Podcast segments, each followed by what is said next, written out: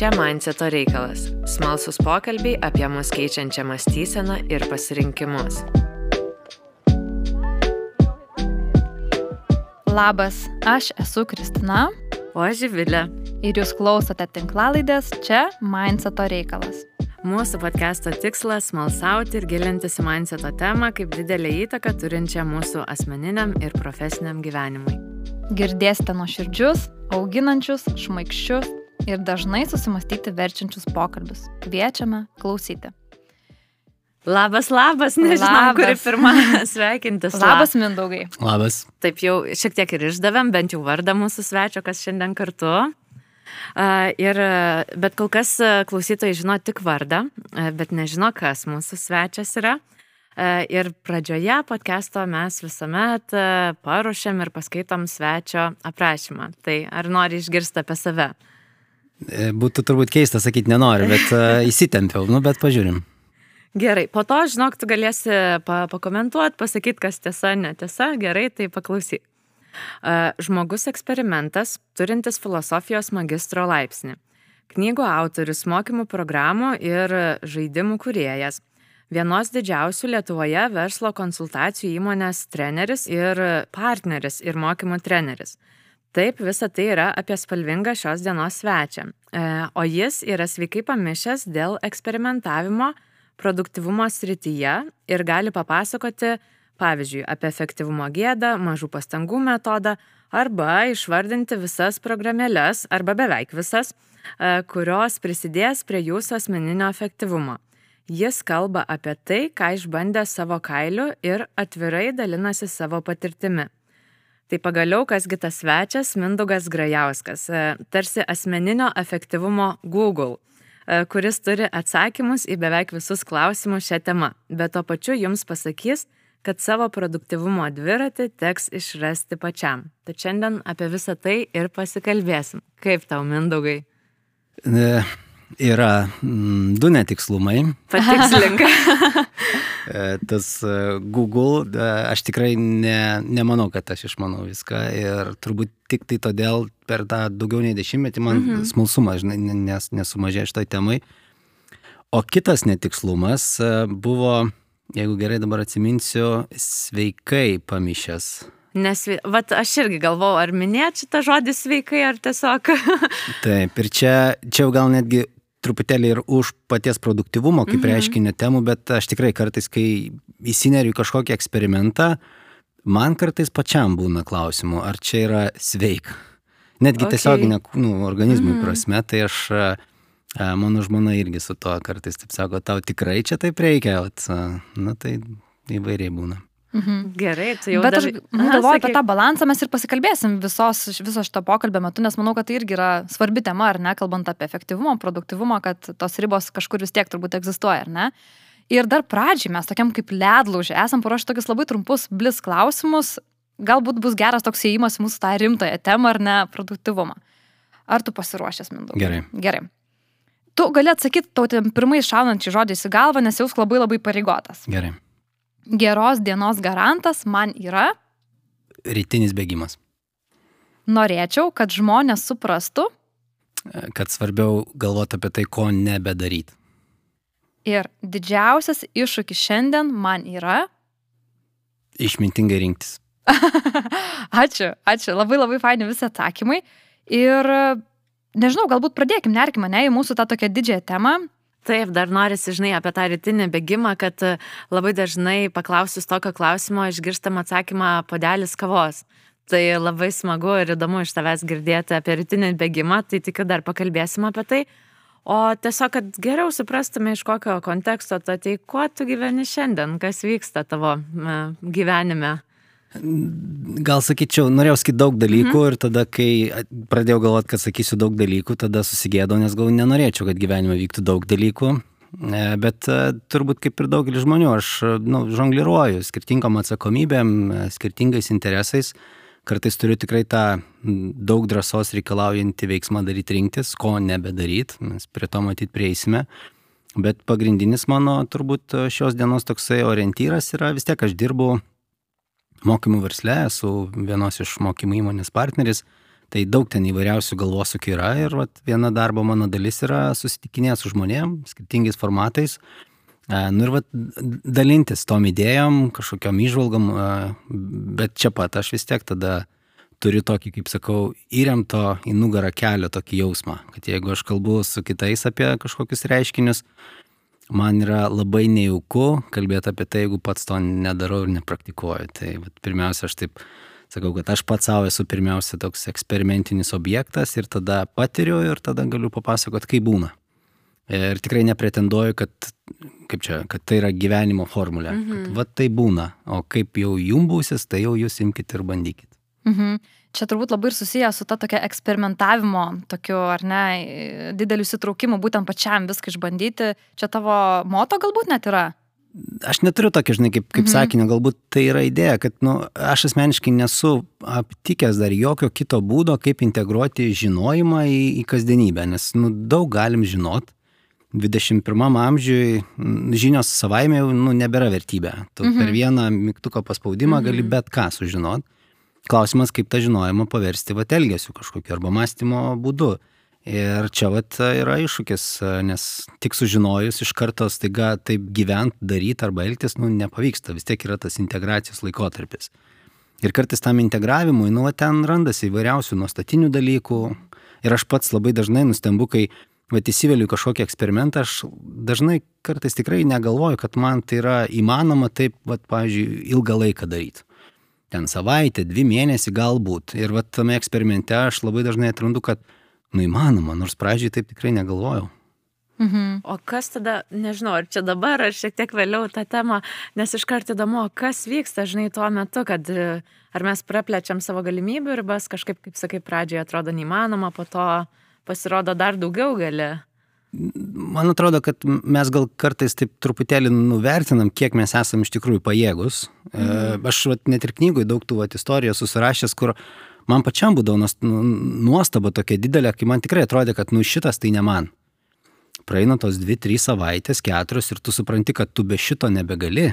Aha. Jeigu, pavyzdžiui, kas nors būtų sakęs ir aš tikrai daug buvau, e, nu kaip daug, keletą žmonių sekdavau, kurie e, kiekvieną dieną bėga. Ir aš tada galvoju, nuvelnės, aš irgi norėčiau, bet, nu tai čia reikia kažkaip, kad dienoj laiko būtų. Mhm. Čia kažkokį darbą reikia jau tada kažkokį tokį unikalų dirbti, kad tu galėtum kiekvieną dieną bėgioti. Tada kažkokie šeimos gal įsipareigojimai turi būti ar nebūti, kad tu galėtum tą daryti. Ir kai girdėdavau tas istorijas, kad ten bėga metus laiko, kiekvieną dieną nieko nepraleidžia, po ten x kilometrų ir gal faina, bet ne man. Ir tada taip, jeigu reikėtų rinktis, o tai gali metus laiko, nu galvočiau, negaliu. 30 dienų, nu 30 dienų galiu. Po 30 dienų supranti, kad, hm, nu gal šimtą gali, po šimto gal metus, po to jau, o tai gal iki galo jau tada. Man dar skambino toks kaip e, mąstymas, galvojimas etapais. Daini iki vieno, po to iki mhm. kito. Mhm. Jo, ir kas man atrodo, čia yra svarbu, va, eksperimentavimu savo logikoje, nebandyti nuspręsti, e, kas bus eksperimento pabaigoje, eksperimento pradžioje. Nes jeigu tik tai bandom va, tą sprendimą priimti, čia tinka, netinka, mums tai nu, nepatyrę nežinosim. Ir, ir turėjo tokį, kad, ką žinau, šimtai žmonių pasiteisino, ką žinau, ar man pasiteisins, gal taip, gal ne. Ir tą pasakysiu tada, kai būsiu pabandęs. Ir labai dažnai nubūna, kad neišeina taip, kaip tu sugalvoji. Mm. Ir tas va, toksai eksperimentavimas su visais ten pavykimais ir nepavykimais yra viso labo tokia įdomi kelionė, tu gali daug ką suprasti, o jeigu nepavyko, nu gerai. Pirma mintis, aišku, tai tokio nusivylimo, tai taip ir žinojau. Po to galima galvoti, tai gerai, kodėl nepavyko. O tais kartais, kai pavykdavo, kas ten būdavo kitaip. Ir tada bandai taip tyrinėti save ir labai daug įdomių dalykų gali atrasti. Aš tikrai nekartą esu aptikęs uh, ir tada dažnai išsisaugai savo kaip failai, kad va šitas man padeda. Ir tada bet kokį kitą veiksmą darant, ten naują įprotį kuriant, naują rutiną ar kažkokį naują veikimo būdą, tu jau žinai, kas tau veikia. Ar suveiks ir kitą kartą šimtų procentų, nežinai, bet žinai, kad va, yra suveikę, kaip minimum pakarto dar kartą. Mhm labai fainai, aš manau, kad mes apie tą eksperimentavimo dalį dar Taip. truputėlį giliau, šiek tiek vėliau nueisim, bet aš norėčiau dar grįžti į priekį ir pakalbėti apie tavo mąstyseną, apie tavo mindsetą.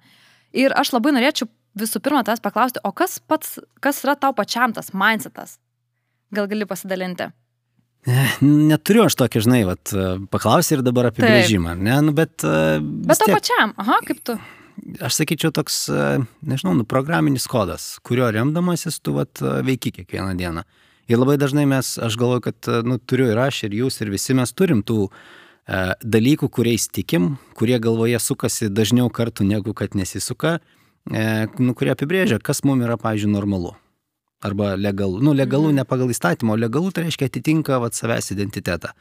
Ir aš tikrai atsimenu, kai, kai vat, ieškodavau kažkokiu eksperimentu, tai pirmas dalykas, kaip kitaip galvot, ką kito sureikšmint. Mhm. Ir, ir net kartais dažnai vat, žmonės turi tą iššūkį, kurį kiekvieną kartą susitikę su grupe ar ten asmeniškai, e, nu, žmonės įvardina, kaip pasakyti ne. Tarsi ieško kažkokios technikos. Vat kaip čia atsakyti kitiems žmonėms? Ne technikos reikia ieškoti. Reikia kažką labiau sureikšminti savo galvoje, kad tas nepasakymas netaptų iššūkiu. Kad kai sakai ne, didžiuojas to, kad pasakai ne, nes pasakai taip kažkam, kas yra žymiai svarbiau.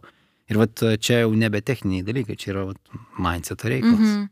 O gal tu atsimeni kažkokį pavyzdį ar istoriją su to, kad e, dar geriau galėtume įsivaizduoti vat, apie tą galvojimą, daugiau mažiau sureikšminimą? E, turiu, aš e, galvoju, kurią čia pasirinkti. E, daug yra gal tų, kurios knygoje dar nesu įdėjęs ir aš esu Man atrodo, šitas nutikimas vyko po to jau, kai knygą buvau parašęs.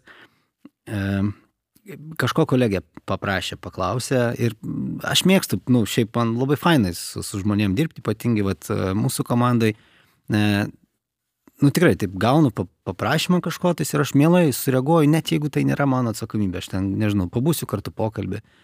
Ir supranti, kad, nu, taip pripranta visi ir pats prie tokio veikimo ir tada daug tokių įsipareigojimų, kurie, nu, nėra tavo tų pagrindinių tikslų apimti.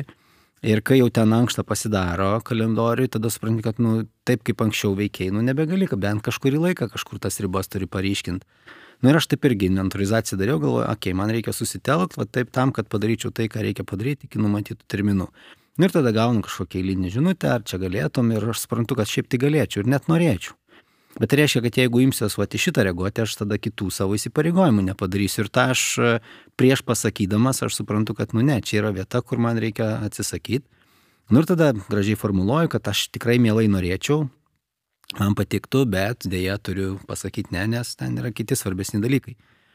E, nu ir tada aš sakau, bet galiu padėti. Nu, atsuras gal kitą žmogų, pagalvojam, kas galėtų tą padaryti, išpildyti tą prašymą. Nu ir mes ten pasikeičiam keliais laiškais. Ir tada paskutiniam laiške gaunu tokią žinutę, jau kaip ten sutarėm, kas ten toliau vyks, be, be manęs jau, sako, nu, rašo Mindaugai, su tavim neįmanoma dirbti, nes tu viskam sakai ne. Nu ir tokia šipsenėlė uždeda. Ir aš skaitau tą laišką. Ir rašau atgal. Sakau, žinai, šitą priimu kaip komplimentą. O geras. Ir jau man tai yra komplimentas, jeigu turiu drąsos atsisakyti ypatingai tada, kada nėra jauku ir turiu priežastį, tai yra, yra kiti dalykai, kuriuos pasirinkau, kuriems skirti laiko ir jeigu jie yra svarbesni už tai, ką aš atsisakiau, tai tai yra pasididžiavimo vertas veiksmas. Ir va čia va, tada tu stiprini tą identitetą, kad turi drąsos atsisakyti.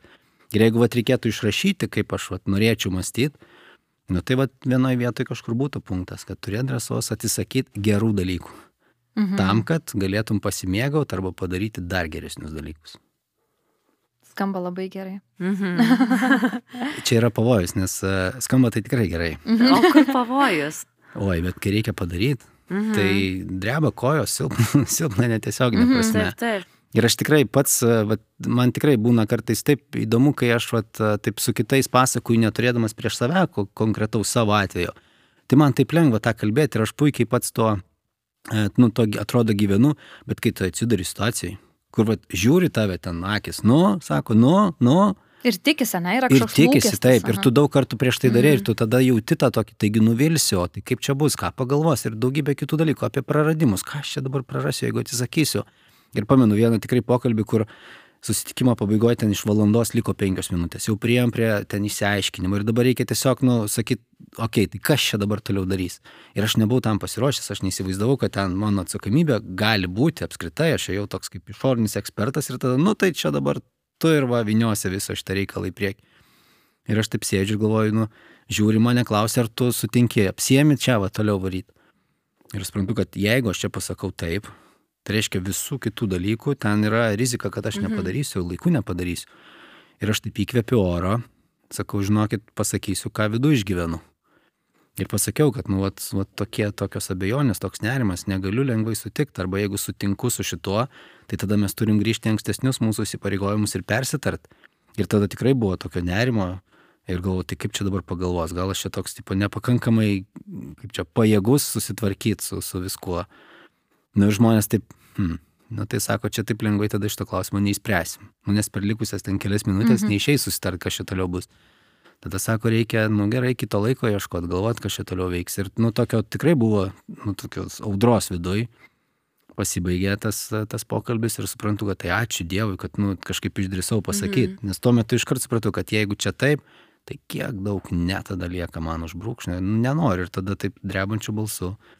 Sakai, kartais tą lengviau padaryti. Ir, nežinau, nu, nu vat, pati parašai turbūt man, nu, LinkedIn, ar ne? Taip tai nemažai tokių kvietimų gaunu.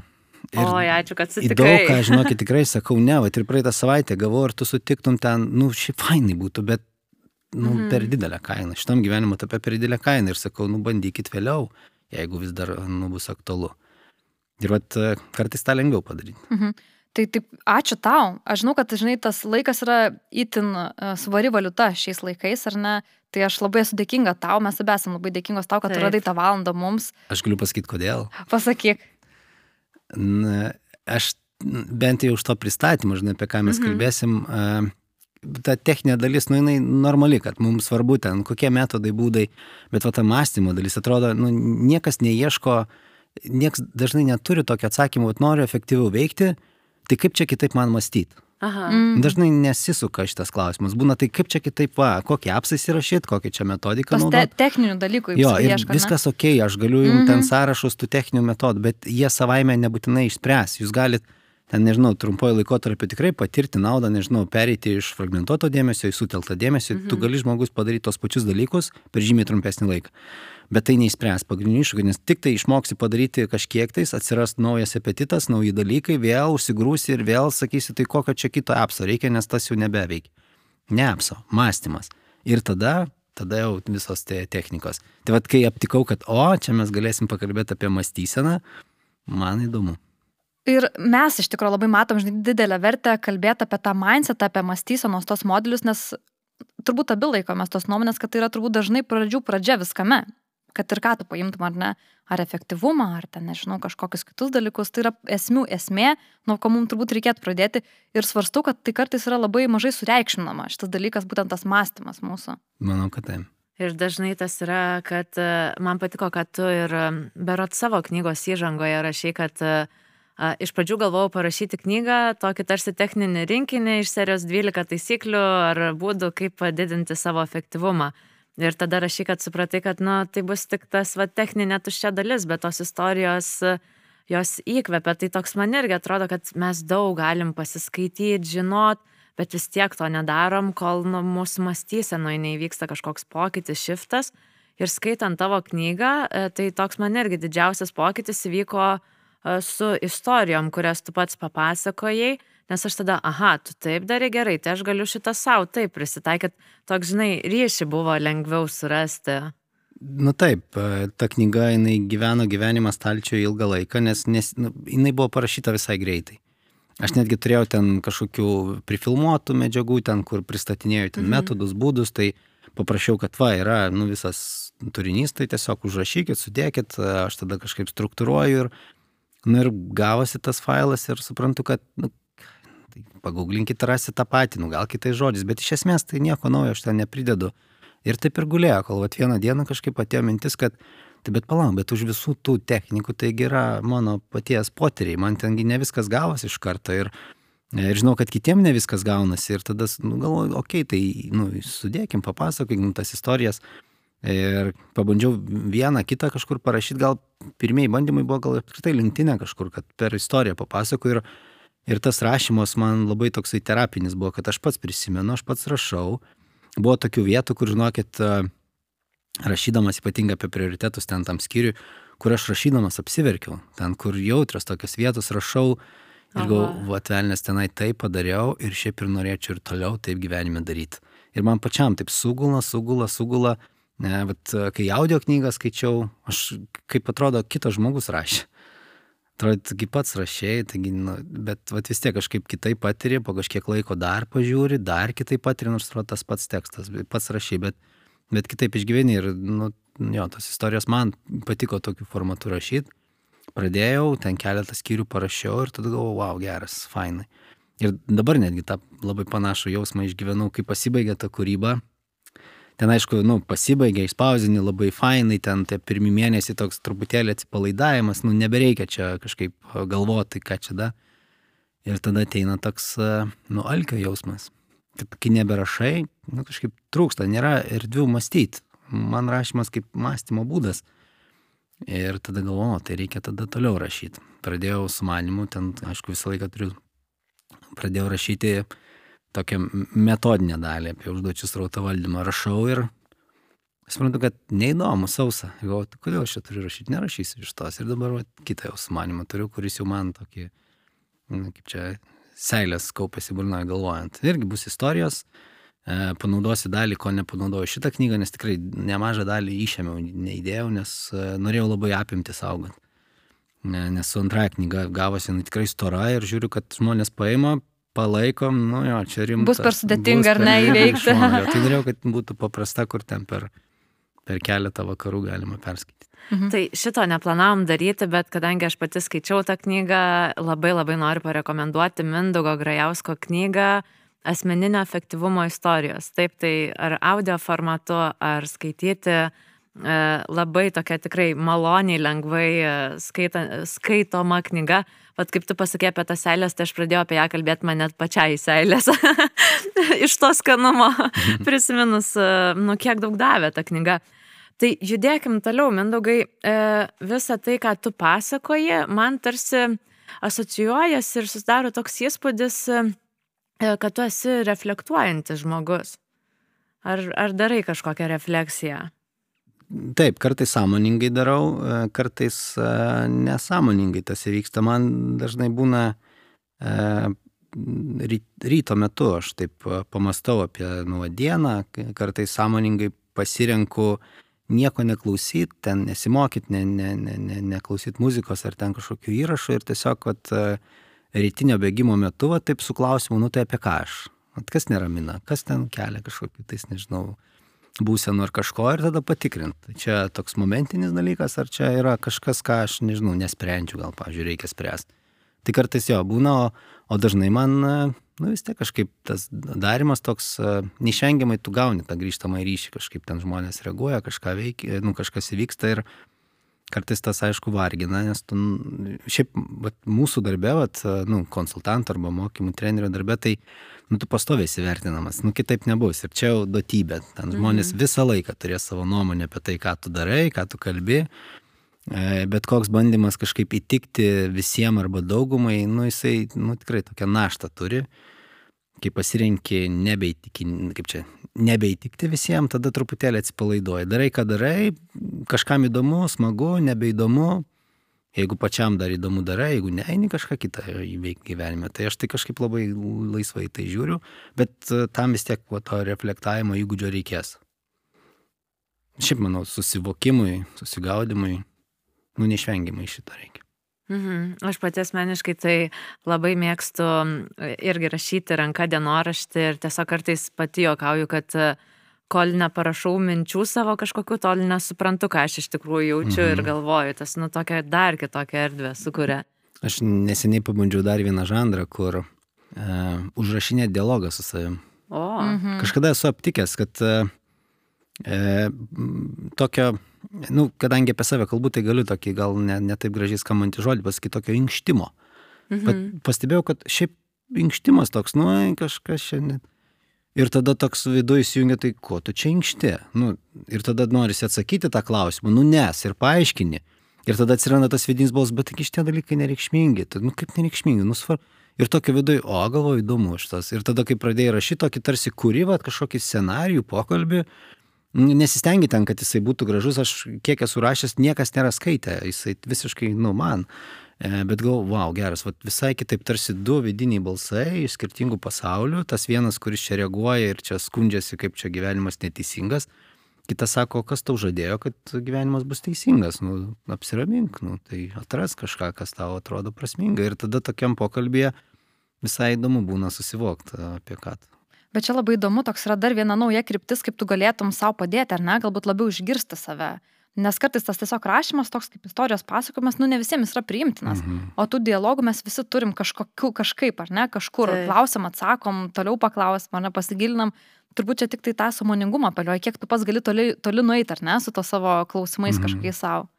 Ar net kaip tu paminėjai, ta, man nuskambėjo tokia, žinai, kaip bėgimo meditacija, kai užduodi savo kažkokią užduotį, klausimą ir bėgi susikoncentravęs tą klausimą. Hmm. Na, gali būti ėjimas, gali būti bet kokia kita Taip. veikla. Tu nu, namų ruošos dalykus darydamas irgi, jeigu ten nereikia spręsti, kaip čia kur ką sudėti, jeigu automatiškai išeina tvarkytis, ten kažką daryti, tai gali galvoti. Tai mindaugai dar, žinai, norisi paliesti tokį, nežinau, kiek tau tas etapas reikšmingas buvo, bet faktas yra tas, kad e, tu turi filosofijos magistro laipsnį, o dabar dirbi su asmeniniu efektyvumu. Ar tai kažkaip susiję? Susiję labai. Mhm. E, sakyčiau, kad e, didelė dalis dalykų, ką dabar darau ir kaip mastau, jinai atėjo būtent iš filosofijos studijų, nes aš šiaip tai aš esu tiksliukas, nu, vat, tokio inžinierinio mąstymo žmogus. Man patinka schemos, struktūros, sąsajos, aš mėgstu brėžinius ir, uh, ir aš baigęs statybos inžineriją, E, kažkaip buvo įsiūta, kad, nu, tai po bakalauro turi būti magistro. Dabar aš kitaip galvočiau apie mhm. gyvenimą, bet tuo metu, vat, taip vyravo tas mąstymas pas mane ir, nu, ir tada, tai kas čia ta, ta magistro studijos tada būtų. Ir, e, ir aš e, ir mokykloje, ir universitete man šiaip labai patiko filosofija. Aš negalėjau paaiškinti, bet visi ten, nežinau, galvodavo, kaip čia prasmukta, man kuo tik tai daugiau duokit, man labai patiko. Ir net ten filosofijos konferencijoje dalyvau, ten kažkokį pranešimą skaičiau, kad tiesiog iš tokios smalsumo. Nu ir te, Kauno technologijos universitete buvo tokia, dabar tai kitaip vadinasi, tuo metu medijų filosofija, kur tu gali studijuoti filosofiją neturėdamas bakalauro filosofijos išsilavinimo. Aš ten pažinau vis tiek tų dėstytojų, man tikrai nu, patiko ir, ir, ir su jais bendrauti ir galvoju, kodėl ne. Ir aš atsimenu tada, kiek ten buvo sukiojančių pirštą prie smilkinio man, nu, po statybos inžinierijos, į filosofiją, mhm. kam tau reikia, mhm. ką tu su to darysi. Ir aš tada sakydavau, tai man įdomu, aš ne diplomą noriu, man įdomu patyrinėti, pastudijuoti. Medijos tai ne, ne žiniasklaida, mhm. medijos kaip žmogaus tesinys, vat visa buvo ta esmė mhm. ir tada, nežinau, nuo rašto, kalbos, internetas, visos, nu jau tada tos mūsų įprastos medijos, ar ne, kaip informacijos kanalai, kaip jie keičia žmogų ir žmogaus gyvenimo potyrį. Nu ir ten yra į ką remtis tose studijose ir daug tokio tyrinėjimo, apžiūrėjimo ir, ir tenai aptikau tą lietumo, pavyzdžiui, filosofijos reiškinį.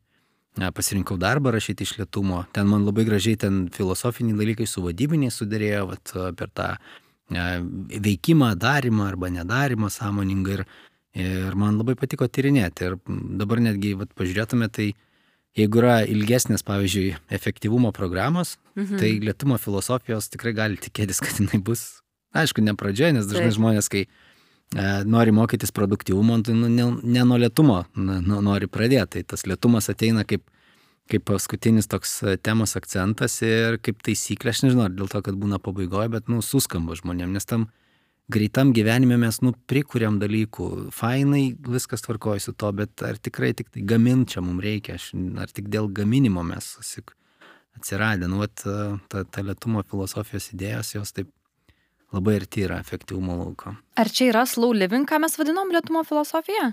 Nes toks dalykas skandinavų dabar ateinanti ta banga, ar ne, slow living, kažkas tokio. Šiaip kilmė tai yra Italijoje. Viskas mhm. prasidėjo nuo lėto maisto judėjimo. Nu ir ten mhm. yra visa istorija, kaip italai maistą patiria, tada ten greito maisto restoranai, tada ten kontrajudėjimai ir atsiranda ir tada persikelia iš lėto maisto į daugybę kitų sričių, nuo lėto sporto, lėta kava, lėtas maistas, tada atsiranda kaip čia gyvenimo ar pasaulio lėtinimo judėjimai, kurie neprieštarauja greičiai. Būkit greiti, kiek tik norit.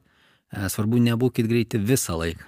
Mhm. Mm. Kai kurios gyvenimo sritis nėra pritaikytos greičiai. Pavyzdžiui, pabandykit greitai palisėti. Jūs galite padaryti šešių minučių ten kvepavimo e, pauzę ir mm. galite savo ten sureguliuoti net ir ten kūno parametrus, ar net ten širdies ritmą, ritmo kintamumą ir panašiai. Bet pabandykit uh, greitai sukurti kokybišką santykį su kitu žmogum. nu, nesikuria. Reikia Neveikia, laiko. taip, ne? Mhm. Taip, reikia išbūt, be žodžių, be pokalbių, tiesiog pabūt. Arba, pavyzdžiui, greitai patostogauti. Nu, neišeina per dieną pa, turėti dviejų savaičių atostogas. Ar ne? Tu gali pailsėti dieną, bet tai nebus tas pats, kas po dviejų savaičių, kai tu visai atsijungi, perni kitokį režimą, galva išsivalo, ten, nežinau, kūnas įsikrauna. Nu ir vat, kai mes bandom viską sugreitinti, va tada patiriam iššūkių, nes mm, daug ką turim, bet mm, kažko tada vis tiek trūksta. Mhm. O aš nenorėčiau, Mindaugi, tavęs paklausti apie tai, kad, nu gal mano taip klausimas skambės, kas tavęs tuo metu netenkino, kad tu atsidūrai produktivumo temoje? Oi, čia šitą mm, istoriją aš labai ją šviežią turiu. E, Buvo taip, kad e, visi eina namo, aš namo neinu. Ir man Mhm. viduj tuo metu atrodė, kad visi per mažai dirba. Ir tada pradėjau galvoti, kaip čia taip gaunasi, kad vat, jie eina namo, aš ne, ir supranti, kad ne visi per mažai dirba, o aš nemoku tvarkyti savo dienoje. Ir mano pirmieji bandymai tai taip ir buvo. Mm, Aš tokį pasiskyriau turbūt kaip eksperimentą, tik tuo metu tai, tai apie tai negalvojau ir, ir to taip nevadinau, bet e, kiekvieną rytą ten valandą laiko aš va, produktyvumo temai likdavau. Kur čia ką išgooglint, skaityti, bandyti ten va, kažkokius pratimus daryti savo. Eidavau į atskirą vietą, tokią kavinę, Kaune gyvenau, ten atsimenu dar tą kavinę ir, ir dabar jinai yra tenai ir aš nueidavau ir va, tą valandą laiko griežtai nieko neveikdavau, tik tai mokydavausi. E, Nu ir tada pradėjau eksperimentuoti. Tu čia ryte pasižiūri, aha, čia tokie dalykai, va, čia galima pabandyti, ateini ir tada darai. E, Ir vat tuo metu iš tokio jo, nesusitvarkymo jausmo. Ir tikrai į tą produktyvumo temą žiūrėjau taip per tą techninę pusę, vat, e, kaip čia padaryti daugiau. Mhm.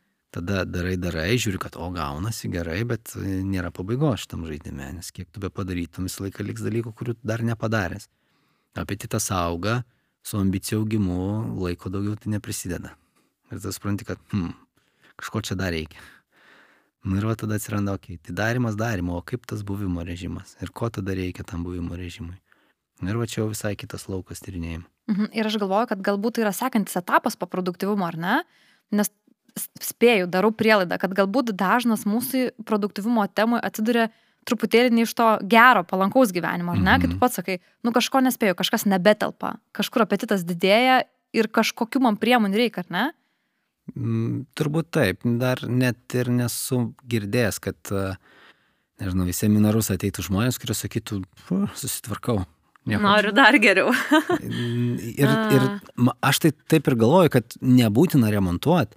Jeigu gyvenam gyvenimą, kur, kuriame pavyksta patirti tą gyvenimo turinį, kurį norisi labiausiai patirti, tai nieko keis nereikia. Mėgaukitės ir, ir viskas.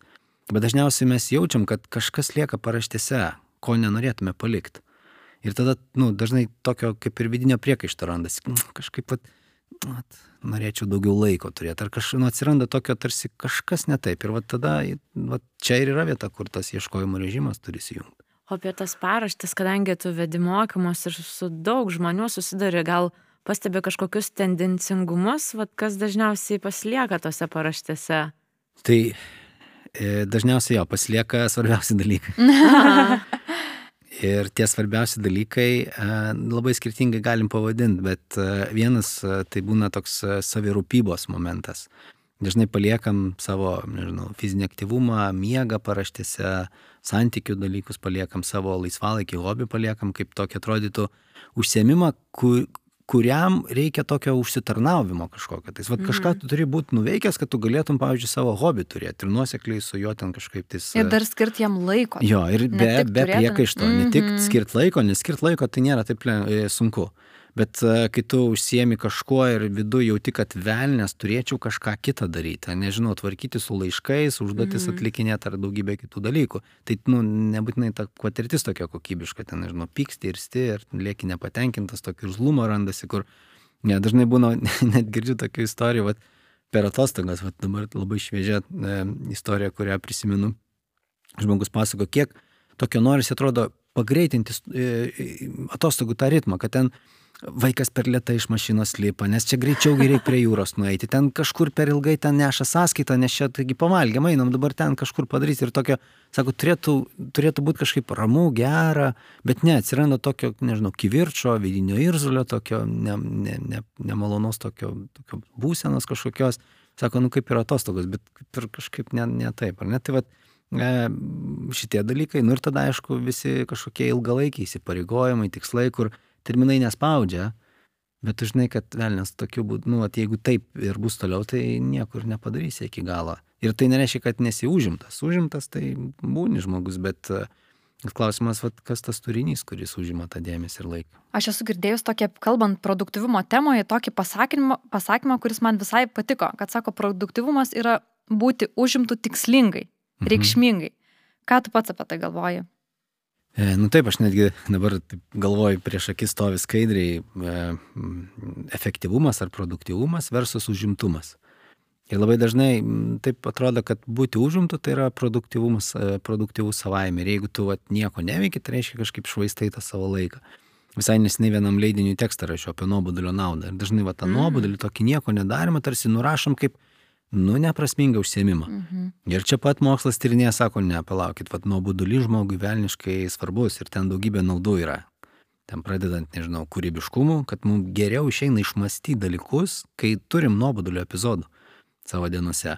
Arba, e, nežinau, atsiranda daugiau alkio pokyčiui, jeigu patiriam nuobodulį. Nes jeigu visą laiką įtempta galva yra su kažkokiais ten sprendimų prieimimais, tai mes jau tada pradedam nieko nebenorėti. Bet kokie kiti, kitų žmonių pasiūlymai ten, nežinau, kažkaip naujai žiūrėti, nu, vargina jie, ne, nebėra erdvės tenais. Tai čia keletas e, tų, tų naudų. Ir, ir aš sakyčiau, kad e, tą užimtumo valdymą, vat, net kartais anglų kalboje taip įdomiai skamba business management, nu, mm -hmm. užimtumo valdymas, ar ne, ne, ne business management, bet business management. Lietuviškai jo gal, gal taip ne, nebūtų žodžių žaismo, bet nu, klausimas, kaip sumažinti savo užimtumą, ne mažiau padaryti, bet užimtumą sumažinti. Ir tada gali žiūrėti savo dienas, hmm, tai kas čia tą užimtumą sukuria. Ir esminis klausimas, ieškant didesnio efektyvumo, tai ne ką dar pradėti daryti, bet ko nebedaryti. Kartais net reikia užrašyti dalykus, ko nebedaryti. Kad, nu, galėtum pastebėti, kai ateina epizodas, kad rinktis, tai va dabar čia reikia rinktis, o šito nedaryti. Mhm. O tu nesulauki, va tokiais atvejais, žinai, to, taip, taip, aš žinau, bet vis tiek čia ir šunį išvesti reikia, ir ten vaiką į darželį nuvesti ir tą, ir tą, aš, nu, nieko negaliu išimti iš savo dienos. Tai labai normali šitą reakciją. Aha. Aš e, tikrai žinau ją pats, kai aš darau kartais tokius pratimus, kai jau pajaučiu, kad, e, nu, tos siūlės braška, traška, supranti, kad okei, okay, per daug įsipareigojimų, ko nedaryti, ko atsisakyti. Susirašai viską, ką tu ten turi, galvoji. Ir tada, nu, dažniausiai aš naudoju tą 30 procentų taisyklę. Va 30 procentų išimti, palikti už brūkšnio, nuspręsti nedaryti. Tai nuspręsti nedaryti reiškia, nežinau, gal terminą atidėti, gal iš viso sakyti, dovanokit, bet, bet nebe. E, arba ten, nežinau, perduot kažkam, paprašyti pagalbos. Ir tada, kai surašai tą 100 procentų, nu dabar 30 reikia išmest. Ir tada pailiu žiūrigi, negali taip pailiu. Bet visi labai svarbus iš esmės, ar ne? Būtent, ir kai tu žiūri į vieną, tas tri... Ne, šito negaliu išmest, nes čia, nu, taigi svarbu, aš pats pradėjau šitą. Ir tada visų visais taip atrodo, ne, negaliu. Ir tada taip visiškai techniškai, mindaugai, nebaigsi tol, kol 30 neatsidurs uh, kažkur paraštėje. Ir kai pradedi daryti uh, iš pradžių tokio nerimo, tokios baimės, po to kažkaip pripranti, pradedi justi, kad niekas čia nemiršta dėl to. Ne, aš pamenu, e, kartą irgi vat, pratimą dariau ir suprantu, kad okei, okay, šitas projektas jisai turi arba būti sustabdytas, arba turi būti nukeltas. Ir aš suprantu, kad aš turiu su savo kolegė dėl to susitart. Ir aš skambinu kolegijai, tiesiog telefonu va, tą dieną skambinu, sakau, klausyk, turiu vieną klausimą, kurį noriu aptarti, sakau, tau turbūt nepatiks tai, ką dabar pasakysiu. Ir jis sako, nori šito nedaryti? sakau, jo, gerai, sako, suprantu. Ir viskas ok su tuo. Ne, blogiausia būna, kai pats būni inicijavęs, mhm. pradėjęs ir tada esu taip žmonėms pasakęs irgi dar kur ten, nežinau, kokią nors naują iniciatyvą, ten sukvieti, įtikinėjai, surenki ten komandą ar kažką ir tada esu vieną kartą taip daręs, sakau, dovanokit, bet atsitraukiu, nes, nu, sakau, yra svarbesnių dalykų, kur aš, nu, paskęsiu. Ir Ir man atrodo, viskas, va čia yra pabaiga, reiškia, tavim nebegali pasitikėti žmonės, tu čia pradedi nepabaigi ir čia mano nerimas viduje yra. Ir aš e, suprantu, kad, nu, yra ta rizika, kad kažkam tai pasirodys. Ir aš e, tada įkvepiu oro, skambinu arba rašau. Ir daugybę kartų esu nustebęs, kaip supratingai žmonės sureaguoja. Ir aš galvoju, vėl, nes aš irgi reaguoju supratingai, kai man kas nors, žinai, įkvepia oro ir pasako, nedovanok šito, aš neprisimu, Ir aš ten kokią sekundę galvoju, kaip taip galima, tada dar kitą sekundę galvoju, wow. Žiauriai gerbiu vat, už tą drąsą, gerbiu man, aišku, ne faina, aš turėsiu ieškoti, bet už tą drąsą belieka tik tai gerbti. Ir neišvengiamai, jeigu patys pradedam tuo tikėti, jeigu patys, patys pradedam to daryti, gal negražiai skambės, bet kiti žmonės, nu, neturi jokio kito pasirinkimo, tik tai prisitaikyti. Gal dar šito vietoje, aš irgi čia visada mėgstu sakyti, kaip tas yra pasakoma, padaroma. Na, jeigu vat, su paaiškinimu kažkokiu pagarbą kitam žmogui, tai toks atrodo ir daugiau Būtent. supratimo. Taip, ir, ir čia vat ir yra, nu, patiems į galvą įsidėti ir po to, nu, iškomunikuoti, kartais ne yra sakinys, ne, taškas. Ar galėtumėte ateiti? Negalėčiau. Ačiū už kvietimą. ir viskas, ir, ir tiek žinių. E, kartais, kur yra svarbu kažkaip išlaikyti santyki, nu, padėti žmonėms suprasti, apie ką čia yra tas pasirinkimas. Ir aš esu visai nemažai tokių istorijų nu, ir girdėjęs, kai žmonės sukonstruoja tą sakinį. Sako, žiūrėk, kai tu manęs prašai šito, štai ką man reiškia atsakyti taip arba ne. Ir mhm. pasako, kad jeigu aš va tą savaitgalį sutinku ten tau atvažiuoti padėti, tai reiškia, kad aš tą savaitgalį negalėsiu padaryti štai ko. O ta štai, kas man yra svarbus, nes ir paaiškina, kodėl. Ir, ir nu, taip labai, nu, žmonės tikrai supratingi yra. Ir jeigu vat, jūs pasakot, užbrėžėt, paaiškinat, Ir kiti žmonės to niekaip nu, nesupranta, nepriima, priekaištauja ar dar kažkaip kitaip verčia ten, nežinau, blogai jūs jaustis, tai, nu, tai nebėra jūsų problema. Tai yra tų žmonių mm -hmm. problema, kad jie negerbė jūsų pasirinkimo. Kartais būna, čia žinot, jeigu taip pat tokiam asmeniniam santykėje, ten, nežinau, su artimai žmonėm, draugais ar ten, nežinau, kaimynai su bet kuo, nu tai mes tarsi kaip ir turim tokį moralinį įsipareigojimą, kaip patys įsivaizduojam, ar ten nerašytas taisyklės, tai vienai, bet jeigu organizacijos kontekste atrodo, nu tai atėjo vadovas pasakė, tai ką tu dabar čia jam atsakinėsi. Ir esu daug kartų girdėjęs tokių istorijų, pats esu nekartą taip daręs, kur tu pasakai, kad jeigu šitą priimu, tai tada va štai yra visa kita dalis, tai ką dabar išimam. Ir kartais vadovai nežino, kiek daug pas mus yra ant stalo, mhm. kol mes jiem nepasakom. Aš esu girdėjęs net ir tokių istorijų, kur žmonės turi suskaičiuoti ten valandom ar ten, nežinau, kitais matais, kuriais beskaičiuoja savo krūvį, kad va štai koks krūvis ir jeigu dar pridedam kažką turim šimtą. Ir dabar, nu, visai, kaip čia pastaraisiais metais, nu, atsiranda visai nemažai tos kalbos, kad jeigu to nepadarom, tik tai dedam, nieko neišimam, nu tai baigėsi šitas žaidimas dviejose vietose. Arba, nežinau, ligoninėje arba kapinėse. Nu, aš čia šaržuoju, Taip. aišku, bet Mm. pervargimas, nuovargis, žmonės sako, ačiū, nebenoriu, nebereikia. Viską suserga, pabaigiu Išeina, dabar. taip. Mhm, mhm. Esu girdėjęs, va, Amerikoje vienoje grupėje dalyvau, kur viena moteris taip energingai pasakojo, sako, turėjom tokią, jinai buvo vadovė visos organizacijos, turėjo vadovų komandą ir sako, viena moteris vadovė, ta vidurinės grandies, nu tokia buvo atrama organizacija, visur įsitraukia, viską daro, visą laiką padės, jeigu tik nepaprašysi, visą laiką ir su maksimalia kokybė. Nu sako, žvaigždė, organizacijos ateitis. Vieną dieną netėjo į darbą. Pasiaiškino, kad, nu, perdėgė viskas, ne, nebenori, jau blogai. Tada sutarė, kad tris mėnesius jinai pabus, pailsės, atsigaus ir tada grįš. Ir visi su lūkesčiu lauk, kada jinai grįž po trijų mėnesių ar kiek ten nebegrįžo. Sako, aš nebenoriu tokiam ritme, mm. tokiam intensyvume dirbti, nebe man, nes nu, labai didelė kaina sveikatos, santykių, nežinau, su save paliekam paraštėje. A, tai vad, kai neapdairiai, taip žinot, elgiamės vieni su kitais ir su savim, tai tada didelę kainą reikia sumokėti kažkada vėliau. Mm. Ir mums, pavyzdžiui, savo kasdienybėje, nu svarbu saugoti, nes jeigu tu pavargsi, tau nebebus įdomu, Tai tą kokybę dar taip kartais ir techniškai gali išlaikyti. Mhm. Bet klausimas, ar tu tikrai mėgaujas to, ką darai. Ir tada, nu, žmonės jaučia, kai tu eini kaip į darbą. Ir kaip taisyklė geriau gaunasi, kai tu neini kaip į darbą, kai eini, kai, nu, tau fainai patinka, tu mėgaujasi. Tai nereiškia, kad visą laiką bus lengva. Gali būti sunku, gali būti streso, įtampos, ten kitų blogų emocijų, bet suma sumarom, vis tiek faina ir nori ir toliau daryti. Nes jeigu tik lieka, žinot, darimas dėl darimo, nu, gali taip gyventi, bet klausimas, ar taip ar taip vat, norisi sąmoningai rinktis. Mhm. O aš mindaugui dar norėčiau tavęs truputėlį paklausti apie įpročius. Ir galbūt tu galėtum įvardinti, koks įprotis tavo gyvenimą pakeitė labiausiai. Taip, šitą labai lengvai galiu. Žinokit, grįžtu į tą patį, ką jau sakiau. Kasdienis fizinis aktyvumas. Mhm. O kaip tai pakeitė tavo gyvenimą?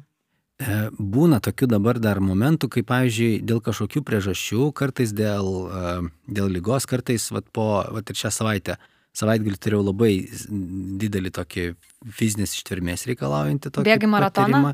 e, ne maratoną, bet arti. Mhm. Ir tada, nu, kūnas vis tiek nuvargsta ir tada kitą dieną ir dar kitą dieną, dvi dienas dariau polisio pauzes.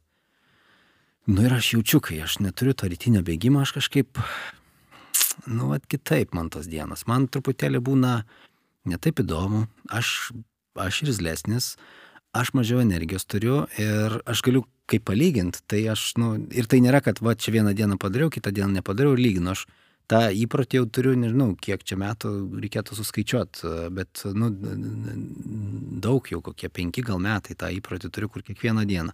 Tai kai sakau kiekvieną dieną, tai, nu, nevedu aš ten dabar tokios tikslios statistikos, nu, bet 90 plus turbūt procentų dienų aš bėgu. Tai tos kitos dienos būna, nežinau, ten turiu, jeigu kokį ketvirtą ryto išvažiuoti kur nors į Klaipėdą, nu tai aš jau turbūt nebėgsiu ketvirtą ryto. Ja, nors esu bėgiojęs ketvirtą ryto ten ir pusmaratonį, vat, tiesiog pažiūrėtų, kaip diena atrodytų, kai tu ryte aštuntą jau būni nubėgęs ten, pavyzdžiui, didelį atstumą, ne? Tai, e, tai vat, tikrai jaučiu, vat, kad šitas įpratis, jisai, nu, man tikrai padeda žvaliau, aštriau, susireguliuoti ir, ir tą emocinį pasaulį, ir, nu, jau nekalbu apie ten, nežinau, sveikatos visus reikalus. Mhm. Galiu klausimą. Taip. Susižvalgiam su Kristina. O kaip šitoj vietoj, pažiūrėjau, ar tu nesusiduri irgi dirbant su kitais žmonėmis su tuo, žinai, kad man iš karto tokie, va, jungiasi kitų vidiniai kritikai ir gal pačios savo, a, toks, aha, bet tai, va, vėlgi, aš ir taip neturiu energijos, ir taip, akti, dabar intensyvus laikas, tai dar sportą kažkokį pridėti, ar kaip čia atrasti to laiko, ir mhm. ne man bėgiojimas, gal ar ten kažkoks kitas sportas, kaip šita dalis. Paprasta, čia mindset reikalas. Mindaugas dabar šypsosi. ja. Tai pirma gal, aš taip mėgstu e, net ir pavadinti taip mąstymo klaidom. Kokios mhm. mąstymo klaidos neleidžia to integruoti savo dieną. Ir va jeigu šitą klausimą, ir čia ne tik apie mhm. bėgimą, ar ne? Tai bėgimas yra viena iš fizinės aktyvumo nu, formų, rušių. Jūs pasirinkit savo, kažkas vaikščios, Kažkas jogą darys, kažkas dviratį mins, kažkas eis plaukti, belė ką darys, ar ne? Ten kokius fizinius pratimus namie, ar, ar, ar ten treniruoklį, kokį jūs pasirinkit. E, iššūkis yra, ar ta mąstymo klaida, kai prilyginam fizinį aktyvumą, kad tai yra lygus sportui. Mhm. Kai kam labai tinka šitas, nu, bet kai kam sportas jau žiūrėk atsiranda, tai čia reikia kažką mokėti daryti, čia jau kažką turėti, kažkaip ten taisyklingai. E, sportas visą laiką bus lygų fizinis aktyvumas, bet fizinis aktyvumas nebūtinai lygų sportas. Ir va čia va nuo to turbūt vertėtų pradėti, kad jo mes galime e, netgi be jokio papildomo laiko turėti daugiau. Turit, e, nežinau, prekybos centrą atėjot, ar ten kokį verslo centrą, ne, yra liftas ir laiptai. Ar laiptais lipsit, ar liftu važiuos, tikėtina, kad tiek pot užtruksit. Atklausimas, ką renkamės. Kai į prekybos centrą važiuojam automobilį statom, kur statom? Arčiausiai, toliausiai, nu, vat, pasirinkimo reikalas sutaupyti ten, aš nežinau, kol ieškosi ten vietos arčiau, žiūrėk, pastatęs toliau dar ir greičiau nueisi. E, galima net, nu tikrai, tą vaikščiojimą kaip minimum įdėti. Ir aš tokių daug istorijų, ypatingai per karantiną esu girdėjęs, kur žmonės, vat, atrodo, 15 minučių čia, nu, nu nedidelis laiko tarpas. Jos ar taip ar taip praeina. Ir, ir vat, esu girdėjęs tokių istorijų, vat, moteris pasako, kur dirba iš namų, Bet prieš pradedant darbo dieną jinai išeina 15 minučių grįžta. Mhm. Nu ir va taip dvi savaitės, va eksperimentas dviejų savaičių. Ir jinai ten po tų dviejų savaičių pasakoja su ašarom akise, kaip kitaip ta diena, ten kaip jai ten išeina geriau ir jaustis, ir ten tas aštrumas didesnis dėmesio, ir kažkokio tokio pasitikėjimo savim, ir nu tu matai, kaip tas žmogus taip vibruoja, ta kažkokia kita, kita tokia būsena ir energija.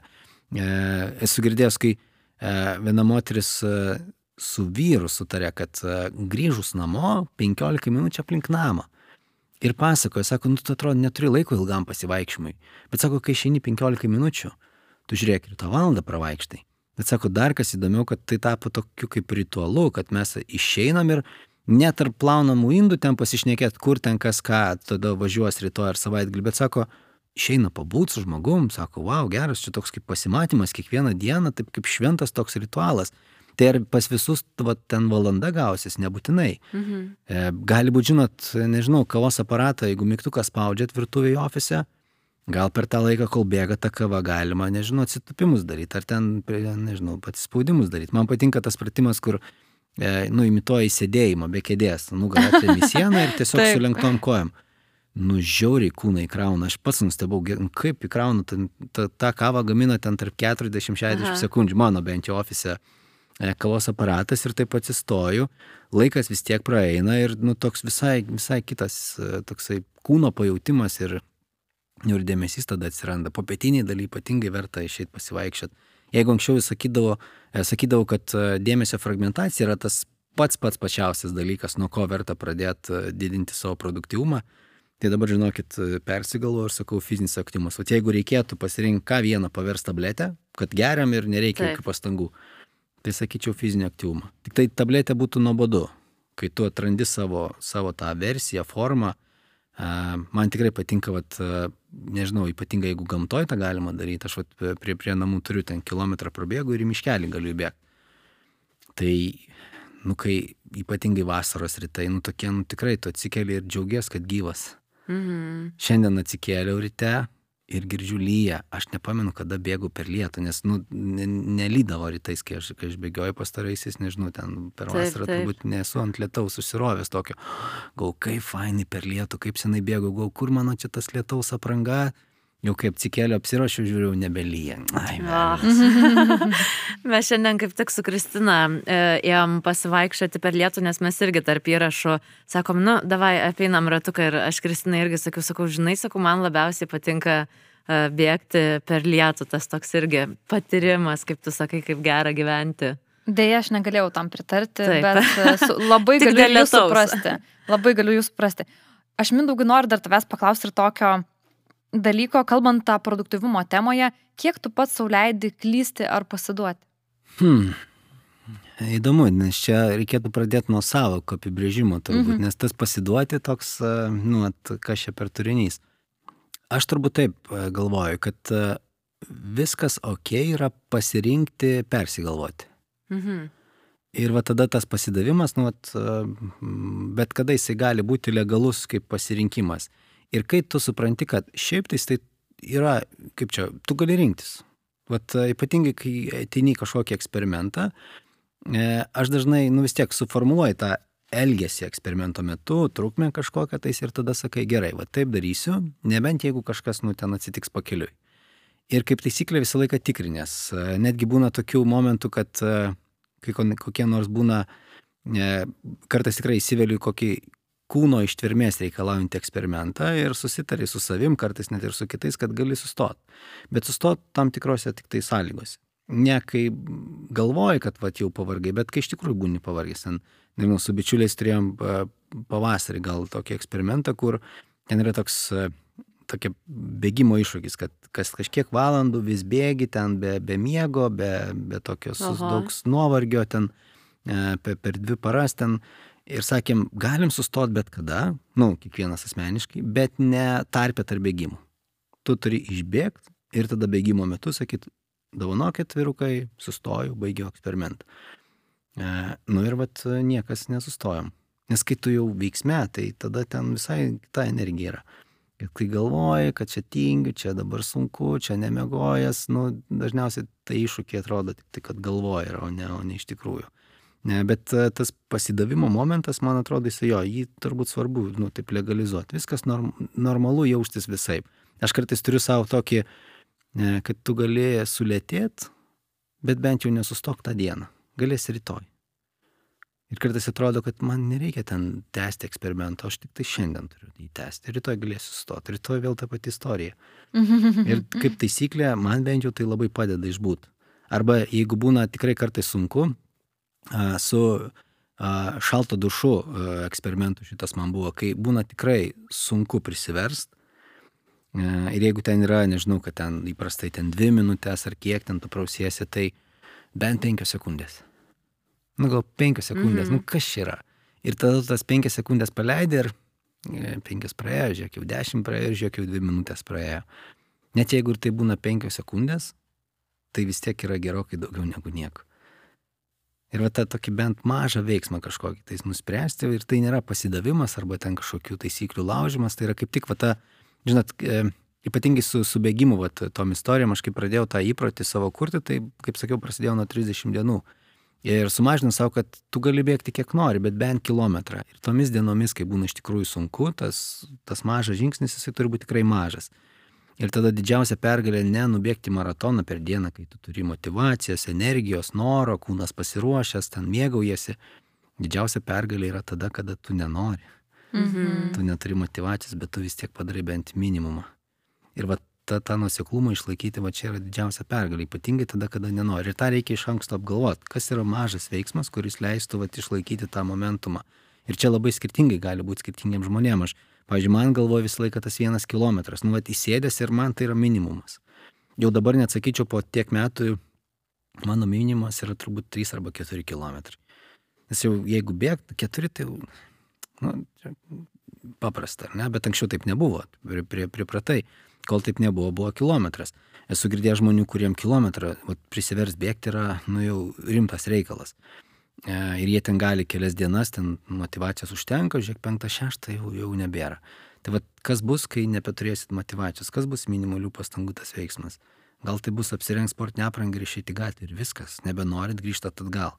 Ir bus visai kita būsena būti išėjus ir grįžus, negu net neišėjus. Mhm. Nors tai gali trukti 20 sekundžių. O kiek yra svarbus iš ankstinis nusiteikimas kažką daryti? Klausiu todėl, kad mes irgi žiemą maudydavomės žaliuosiuose žeruose, prie jūros ir kažkaip, kai aš suprasdavau iš anksto, kad aš tikrai tai darysiu, aš tikrai tai ir padarydavau. Mhm. Bet jeigu, žinai, nueini prie ant to leptelio ir šalta, bet tu nes, neturi to vidinio mhm. nusiteikimo, kad tai tikrai įvyks tavo gyvenime, nors nu dar ir kartais to nepadarydavau.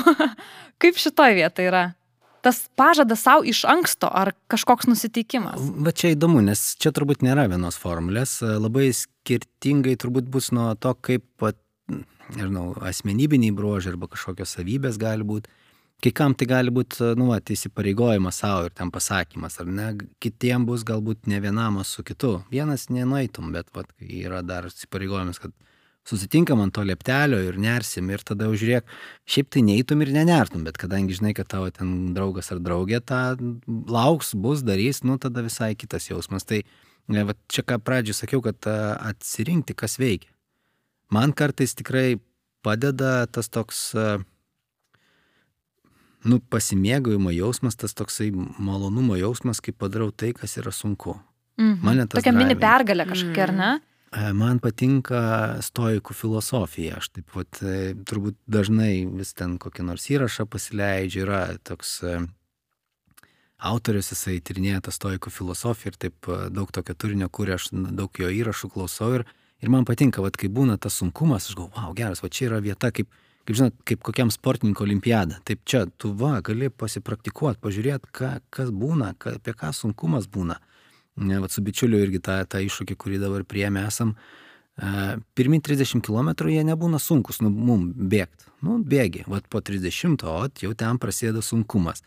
Ir tada bėgam, lengva, lengva, nu tai dar neįdomu, jo dar neįdomu. Ir tada, kai sunku, aha, o, tai tik dėl togi bėgam, kad tą sunkumą patirt. Ir vat kartais man šitas motivuoja ateiti tą momentą, kai tu nieko nebenori. Ir aš kartais, vat kai kuriuose eksperimentuose galvoju, vat viskas ok, mest. Galvoju, o ko man reikia, kad aš meščiau? Ir tu ieškai to, to epizodo, kai tu jau būsi pasiryžęs mesti ir tada ateina viskas, va čia va, yra pabaiga, čia sustoju. Bet galvoju, tikrai čia yra pabaiga, jau visai, visai negali tęsti. O, o gal jeigu dar gali, gal rytoj dar kitai bus, gal dar bus sunkiau ir tada jau va, patirsi tai, ko dar nepatyri. Ir tokio nusmalsumo, tokio įdomumo, aš suprantu, kad uh, tiem, kam tai nėra įprasta, tai nu, niekaip nemotivuoja ir neskamba kažkaip labai ten patraukliai man šitas veikia, man skamba ir aš tada ieškau tų sunkumų, kad galėčiau nu, patirti ir pabūti jos su jais. Kitiem gal užteks bendruomenės kažkokios. Aš, esu irgi patyręs, kur vienas turbūt nebūčiau pradėjęs. Bet kai atsiranda žmonės, kai jie ten ryte parašo, aš jau, aš jau padariau ir tu galvoji, Mhm. Nu, gerai, jeigu šitas padarė, tai tikrai aš galiu padaryti. Na ir tu padarai ir tada supranti, kad, wow, geras, bet be tų žinučių ryte, kur kiti dalinosi, kad aš jau padariau, nu nebūčiau daręs. Ir vat patirti, kas, kas veikia ir pabandyti. Ir jeigu pradžiai netrandam, viskas ok, tiesiog nu, ne, nepamest to, to ieškojimo. Ir tada kam to ieškojimo, čia man klausimas dažnai, vat kam to reikia. Mhm. Apskritai, jeigu norim to didesnio produkto, o dėl ko? Mhm. Kam? E, kad, nežinau, daugiau darbų padarytume, tai žmonės turi atsakymą. Tai padarysiu tiek, kiek dabar va, dar nepadarau, tai pridės dar. O, o neužtenka pasakyti tiesiog, tai daugiau laiko noriu, daugiau laisvo laiko, reikia išsivardinti konkrečiai? Čia tokia Nu, toks rūkas su to daugiau Aha. laiko. O kam tiksliai? Nes jeigu neturėsime taikinio, tai Taip. tada jūs galite turėti daugiau laiko, nu ir ką. Turėsi 25 val. per parą, taip niekada nebus, bet jeigu mhm. turėtume, tai pirmas dvi savaitės būtų labai gerai, po to dar porą savaičių tai jau priprastumėt ir po to norėtume 26 ir taip toliau. Ir e, apskritai mes gal to dar neįgarsinom, bet tas didesnis produktivumas arba bendrąją prasme asmeninis produktivumas, čia mes labai skirtingai galime žiūrėti. Mano būdas, kaip į tai dabar žiūriu, ne visą laiką taip žiūrėjau, e, gyventi norimos kokybės gyvenimą. Vat būti produktyviu, tai reiškia gyventi norimos kokybės gyvenimą. Kitaip sakant, kad mes patiriam tokį turinį gyvenimo, kokį norisi patirti. Kažkam, pavyzdžiui, norėsis daugiau tokių, žinot, būsenų situacijų, kur ten dega, stresas, ten galim, nežinau, ten savo kažkokias savybės panaudoti ir viskas tvarko, žmogus tada kurs, ieškos, e, e, kitam sakysit, ne, nenoriu tokių, noriu visai kitaip e, patirti gyvenimą, noriu ramaus laiko, daugiau laiko tam, mažiau tam. Ir tada kūrėm tą savo projektą ir bandom tada galvoti, kokių čia įpročių reikia, kokių rutinų, kokiais čia įrankiais, kokių įgūdžių reikia, ar ne, kad tą galėtume išpildyti tą savo norimą gyvenimo tokį projektą. Ir einant laikui gali keistis. Ateis laikas, kai sakysit ačiū, intensyvų buvo, dabar norėčiau kitaip gyventi. Kitaip gyventi reiškia kitokį laiką, kitokį mhm. turinį gyvenimo patirti. Kitokioje dinamikoje, ar ne? Gal tik tu? Taip, ir, ir čia labai mhm. normalu. Nu, tai gali būti, kad mėnesiais ten keisis, gali būti per savaitę keisis. Svarbu, kad, žinot, turėtume tą pajėgumą persijungti iš vienos pavaros į kitą.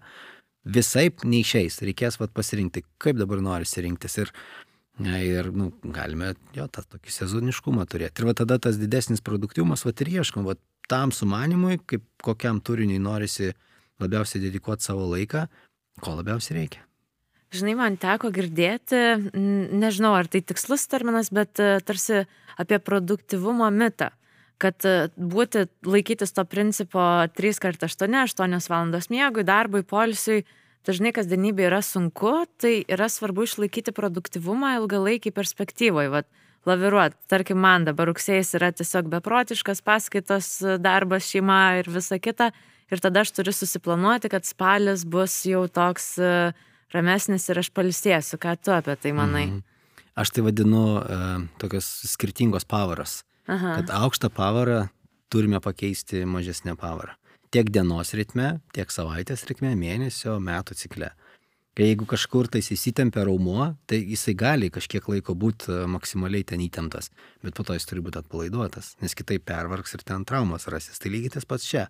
Jeigu yra rugsėjas, kur maksimum pavara, ten prižiūrim, kad gerai veiktume aukščiausią pavarą, turėsim pereiti laiką, kai bus ta pavara mažesnė. Ir tą iš anksto nu, numatyti, ar ne, ir saugoti tą savo pasirinkimą kažkokį tais.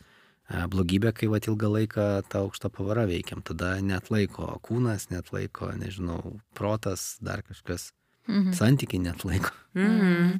Dabar čia, žinai, mes prieim prie tokios temos kaip du poliai. Vienas tas toksiškas produktivumas, kitas prokrastinacijos pinklės. Gal gali pasakyti, kur yra balansas? Hmm. Aš pavadinčiau toksiškų produktyvumų, tai toks, žinai, bandymas va iš tos techninės pusės, kaip čia daugiau tą gyvenimą pridėti visko. Kaip visas knygas perskaityti, visus koncertus ap apeit, su visais žmonėm pabendrauti, visus dalykus, visus uždavinius padaryti. Ir tu tada bandai, net kartais seminaruose būna taip žmonės lūkesti, kaip suspėt padaryti viską. Mm. Čia yra mąstymo klaida numeris vienas, visko nepadarysi, taškas, viskas, jokių čia daug taškių, niekaip. Ir va tada klausimas, aha, tai reikės rinktis. Klausimas, ką paliksim už brūkšnio, ko nebedarysim. Ir va jeigu tik tai turim tą lūkestį padaryti viską, šakės, kančia garantuota, bet koks polsio režimas jisai bus kentėjimo režimas, nes tu supranti, kad tu kai ilsiesi, taigi tu nedarai daugybės kitų dalykų ir tada toks nu, kaltės jausmas gali rastis. Tai čia sakyčiau pagrindinis momentas ir va tas toksinis, toksiškas produktyvumas, bandymas sudėti viską, neturėjimas ne drąsos kažko palikti E, už brūkšnio tos dienos, tos savaitės ar apskritai. E, nuo prokrastinacija, tai aš vis dažniau dabar turiu, aš nežinau, ar ne per drąsų sakyti, bet padėti žmonėm suprasti, kad tai, ką jie laiko prokrastinacija, tai nėra prokrastinacija. Mhm. O kas? Ir dabar žiūrėkit, jeigu, nu, at, suplanavot kažką tais dienoje, turit savo, nežinau, sąraše kažkur tais ar ne, ir tada staiga pokštoj dienoj visiškai netikėtai vyksta kažkas naujo, į ką skubiai reikia reaguoti ir kas yra svarbu. Tai reiškia, tie dalykai, kuriuos jūs ten iš anksto planavot, bet jie jau dabar mažesnės svarbos, jie normalu, kad nu, nebeliks, nebetilpsi tą dieną. Ir tada va, tokius dalykus mes tarsi, žinot, sakom, kad, nu, va, atidėliojam šitų dalykų padarėm. Netidėliojam, tai buvo planuojimo veiksmas. Pasirinkom šitų nedaryti tam, kad padarytume kažką kitą. E, prokrastinacija yra, kai turėjom galimybę padaryti, buvo svarbu ir jaučiamės blogai, jeigu to nepadarėm.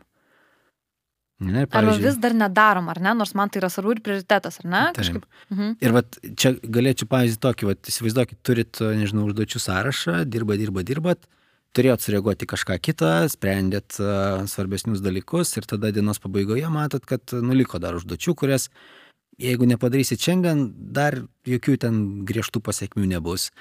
Ir tada vat, klausimas, jūs galit A. pasilikti dirbti viršvalandžius, B nedarytos užduoties yra įtilsėtis.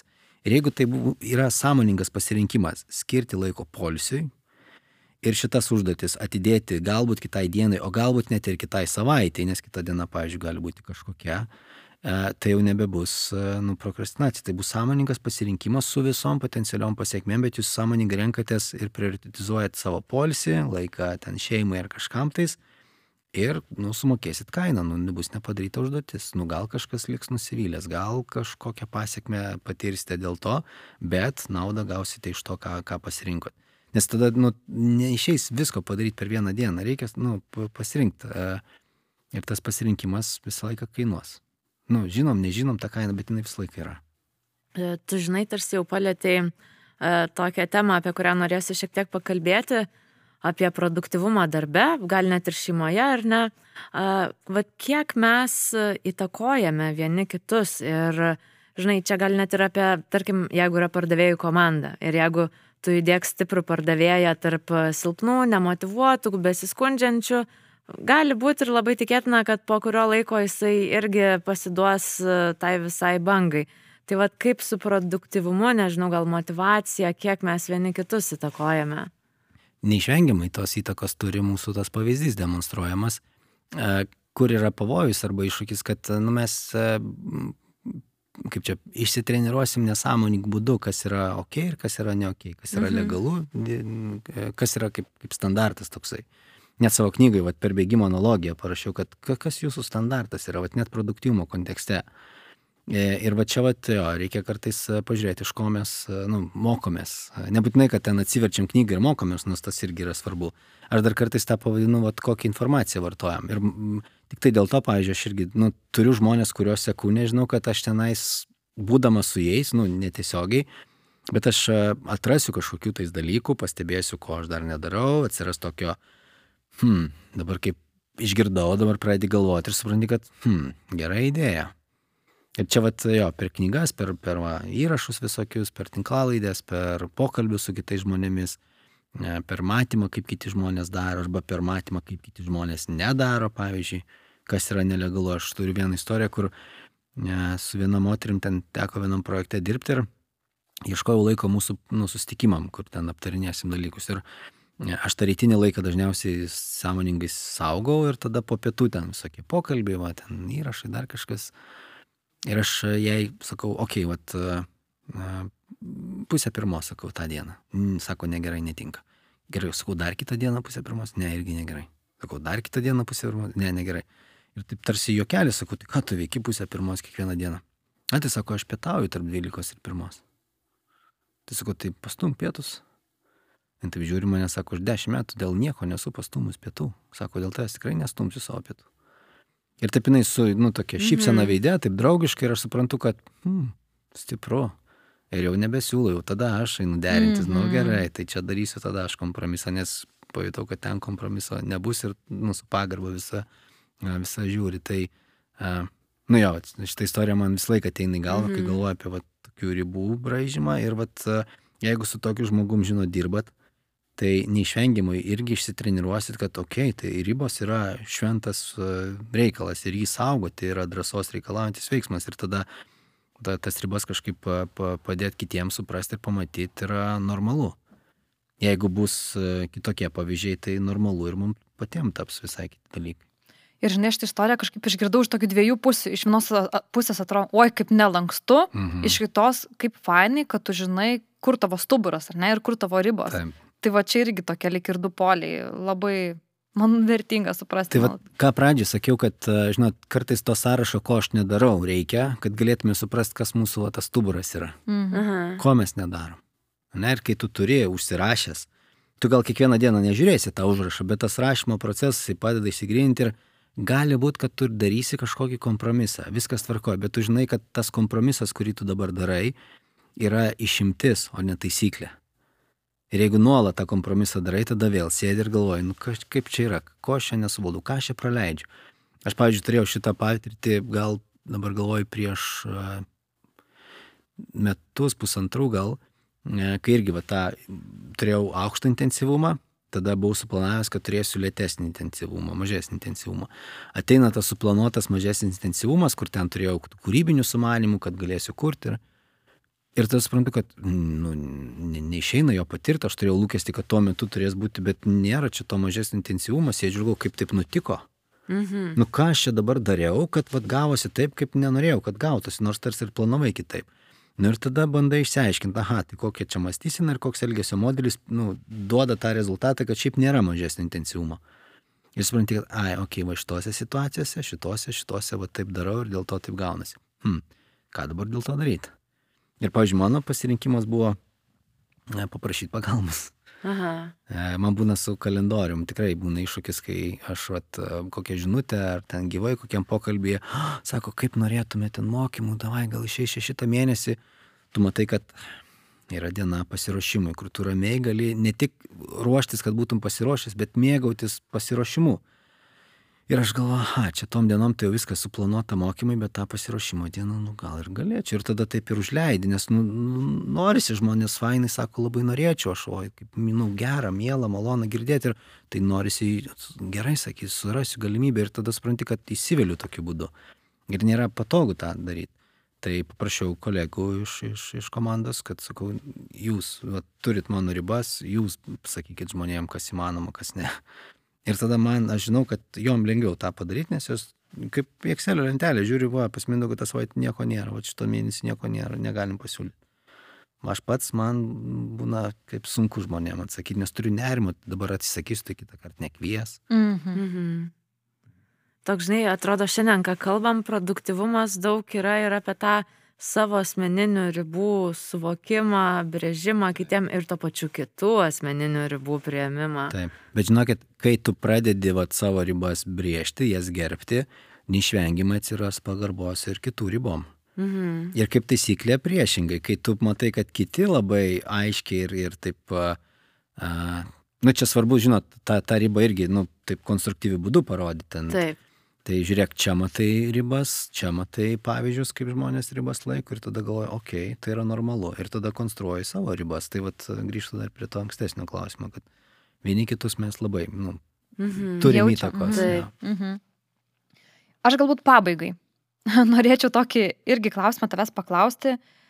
Tu daug kalbėjai apie eksperimentavimą, apie lik ir individualų požiūrį į, į produktivumą, kažkokius metodus. Gal tu gali pasidalinti, nežinau, galbūt keliais patarimais iš savo patirties, kaip išrasti kiekvienam savo tinkantį tą produktivumo dviratį. Ko vadovautis?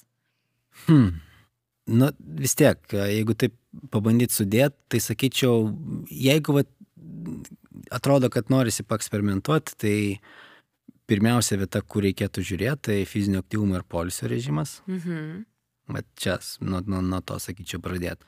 Po to pereiti prie dėmesio fragmentacijos kaip, kaip reiškinį ir pažiūrėti, kas va tą dėmesį atakuoja. A, kokiu būdu dirbam, kaip ten atrodo mūsų notifikacijų nustatymai, kokie įpročiai su mūsų prietaisais, telefonais, santykiai su socialiniais tinklais ir elektroniniu paštu, arba nu apskritai komunikacijos Mhm. priemonėm, ar ne, kurias darbė ir nedarbė naudojam. E, Man vienas prasmingiausių šiaip įpročių, e, aš negaliu sakyti, kad aš jau esu visiškai patenkintas taip, kaip yra, nes kartais tikrai pastebi, kad velnės kaip taip nutiko, kad tarsi vėl užsileidai. E, Bet tada, kai pastebi, okei, okay, tai jau žinai, ką daryti. Ir grįžti prie kažkokių tais, e, nežinau, savo sumanimų ankstesnių. E, Bet tikrai labai nustebau, kai ėmiausi mažinti telefono pick-upų kiekį. Nežinau, kaip pick-upas. E, paėmimo? Paėmimų Mhm. kiekį, taip. Mm, ir ten galima metriką įsivest, skaičiuoti, kiek čia tau atrodo normalu, nes nu, darbo specifika irgi ten labai skirtinga. Nes pati trukmė telefono naudojimo, tai nu, pati nepasako, nes jūs galite ten 4 valandas per dieną telefonu naudotis, čia daug ar mažai. Jeigu turėjote, nežinau, du pokalbius po pusantros valandos Teamsuose, pavyzdžiui, aš kartais mhm. turiu telefoną naudotam, mhm. nu, tai, tai nėra nu, kažkas tokio neleistino. E, bet jeigu ten keturias valandas, kur betiksliai ten atsiranda kažkoks toks tuščias skrolinimas, ne, tai jau tada gali sakyti, kad nu, tas, ta trukmė yra ne, netinkama. Bet va tas pikapų kiekis, jisai man atrodo tikroji, ta, ta metrika, kuri parodo, kiek tu esi savo dėmesio šeimininkas. Mhm. Ir, ir jo, ir tų visokių taktikų gali būti, bet man tikrai patiko, e, net tokiuose vietose, kur anksčiau nebūdavo malonumo, dabar staiga malonumas, kai laukia eilėje, pavyzdžiui, maisto užsakymo. Ir, ir netikrini telefono. Ką, ką veiki? Gyveni. Mhm. Būni, matai žmonės aplinkui, matai dalykus, ateina kažkokios e, padrikos mintis, mhm. jos tada žiūrėk susijungia į kažką tais. E, aš tikrai nekartą esu aptikęs, kad e, pradedi galvoti ir apmastai, kad sąmoningai neuždavai savo klausimą, tai kaip čia tam projekte dabar toliau daryti. Taip stovi, žiūri, ten, aha, čia eilė aptarnauja, čia kažkas progatė, staiga, o, va kaip reikėtų daryti. Čia gal tas nuobodulys, apie Taip. kurį užsiminiai. Jo, mhm. anglų kalboje tai yra daydreaming mode, nu toks e, dėmesio režimas e, lietuviškai, nu aš verčiu toks malsaujančio proto režimas, kai tu neturi sąmoningos intencijos kažkur tais kažką, nu, bet tiesiog toks klajojantis, malsaujantis dėmesys. Ja, kaip taisyklė vakare tada kiek daug laiko atsiranda, kiek daug tokios tokio alkio gyvenimui gal kažką nuveikti, kažką nu, padaryti tokio įdomaus, prasmingo, pabūti ir net va dabar kalbant, va jeigu palyginit, e, tikrai kartais pastebiu, kad per daug aš tą telefoną vis dar turiu savo rankose. Ir tada tas vakaras užsipildo kažko čia, būtinai kažką pažiūrėti, ne todėl, kad reikia, bet nu, vat, patogu dabar, vat, atrodo, ir, ir, ir tada taip ėjo, tas laikas praėjo, čia žiūrėk į lovą, čia dar žiūrėk ir lovai telefonas, ir tada tu žiūrėk jau nepailsėjai normaliai, ir tada kažkaip tokio liūdėsio, kad čia tas vakaras taip praėjo. Apie nieką. Apie ne, nieką jo. Mm. Ir vat, šitas vienas jo, man, man labai nuostabu padarė, kiek, kiek daugiau, ne, ne tik laiko, bet šiaip kokybės ir tokio, nu, įdomumo gyvenime atsiranda. Tai va čia sakyčiau startinės vietos, kur ieškoti. Po to galima į ten kaip kalendorių valdyti, kokiais mm -hmm. čia mhm. būdais tą užduočių srautą valdyti, kokios čia aplikacijos būdai. Dar vienas tiesa yra būdas, kurį pirmą kartą pabandžiau 14 metais. Galvoju, kad išpratėsiu, jeigu knygą skaitai, tai žinai Aha. tą istoriją, ne apie Papasa. minučių skaičiavimą. O taip, taip, šiandien kaip tik Kristinai pasakojau. nu va, ir jisai velniškai šiaip yra sudėtingas metodas. Jeigu taip pat visą savo dieną, ten porą savaičių matuoti, tai ten nu, tikrai intensyvu ir, ir nebūtinai jauku būna. Netiek daug žmonių žinau, kas taip pilnai tą darė. Man kiekvieną kartą irgi reikia įtemti raumenis, bet, nu, wow, gali tikrai nustepti ir aš nesu patyręs to eksperimento taip, kad man rezultatas patiktų. Kad vad žiūriu savo rezultatą praeitų dviejų savaičių ir jaučiu pasididžiavimą. Visą laiką aptinku, kad velnės čia vad kažkoks įprotis jau lenda, čia jau kažkur jau tik, kad sprendimai nebūtinai kaip tu laiką, kam panaudoji, buvo adekvačiausi, kai, kai žiūri iš atstumo, bet tai neišvengiamai padeda mokytis.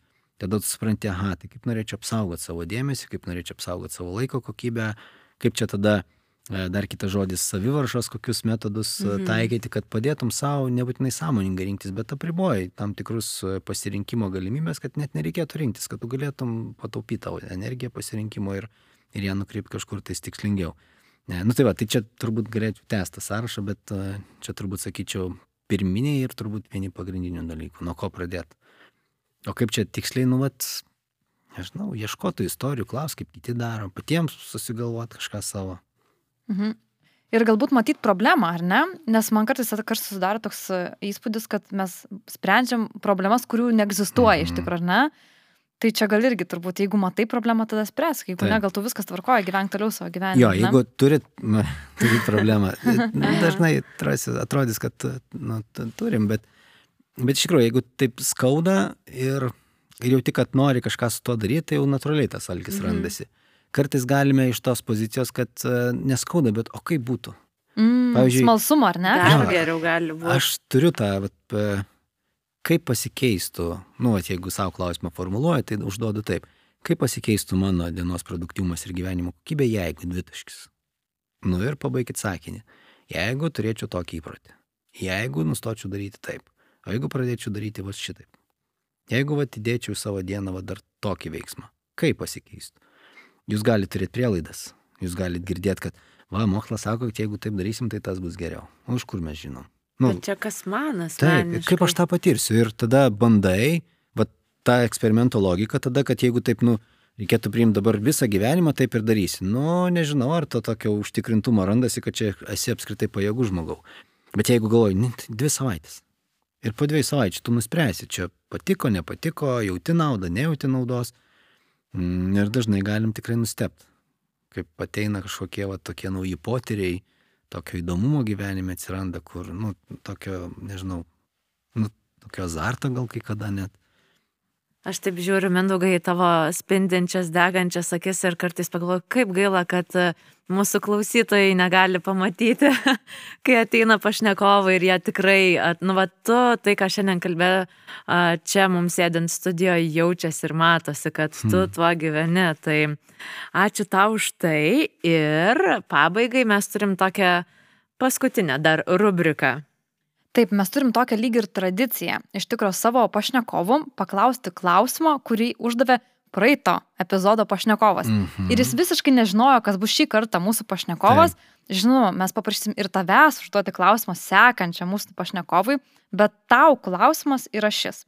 Jį uždavė Lina Pietarė, vadovų, individualaus ir vadovų komandų ugdymo ekspertė. Ir klausimas skamba taip.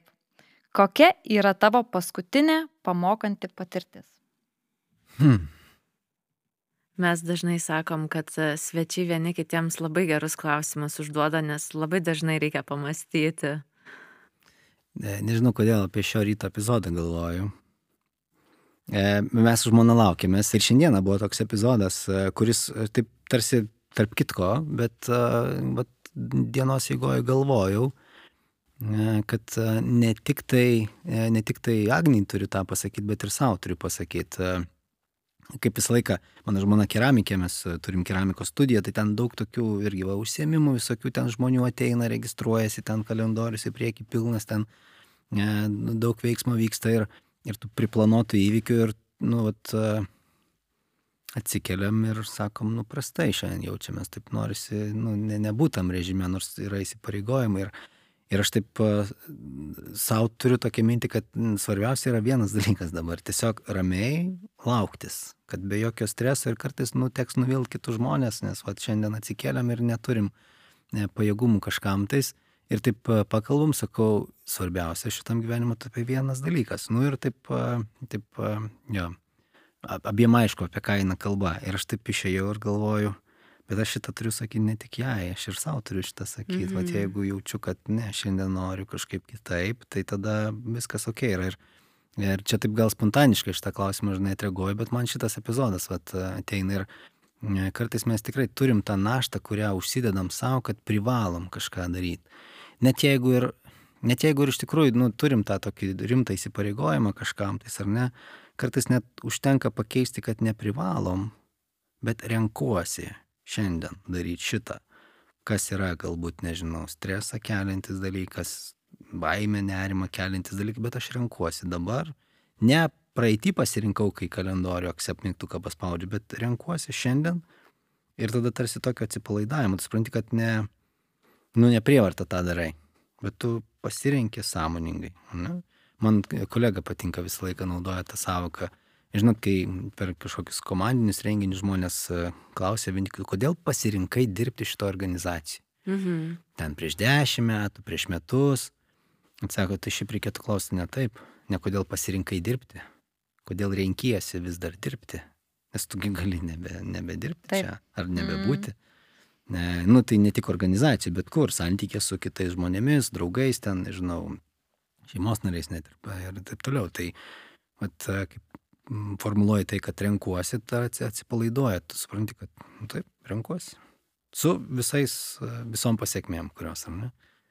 Gerai, tai netikėtas klausimas, bet aš noriu, kad man dabar reikės. Ačiū, ne, ačiū tau. E, tai tu, Mindaugai, tavęs paprašysim jau išjungus mikrofonus, už eterio paklausti. Ir e, labai tau ačiū už tavo nuoširdumą ir už šitą nuoširdų pasidalinimą, man e, net ašara ištrieško mhm. iš to džiaugsmo, tai labai sveikinam ir ačiū, kad su mumis ir su klausytojais pasidalinai.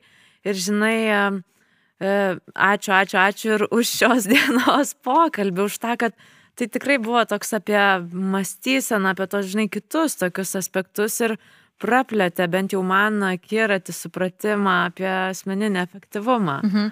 Aš taip pat kažkaip jaučiuosi per mažai gal padėkojus iš tikrųjų tau, kad tu sutikai ateiti, kad skiriai šitą laiką mums ir mūsų klausytojams. E, tai labai vertinga mums ir kažkaip labai jaučiasi tavo nuoširdumas, tavo žavesys tas gyvenimui kad tu taip aplinkui matai daug galimybių, daug gėrio ir tu labai įkvepiantis esi pašnekovas, tai dėkoju, kad mes gal, galėjom patirti tai kartu su tavimi. Ir ačiū tada klausytojams, ar ne? Taip, ačiū ir už jūsų laiką. Taip, mindaugai. Ačiū. ačiū. E, kartais būna sutinki, įvyksta patirtis ir tada galvoji, kaip ateitie apsisaugot, kad tokių patirčių nebebūtų. Bet e, šį kartą jo toks geras jausmas lieka, nes e, nu, man pačiam buvo labai įdomu pasmalsauti kartu su jumis. Tai dėkoju. Oi, labai smagu girdėti. Tai mes sakom tuomet iki kito karto, ar ne? Viso. Iki. Viso. Iki.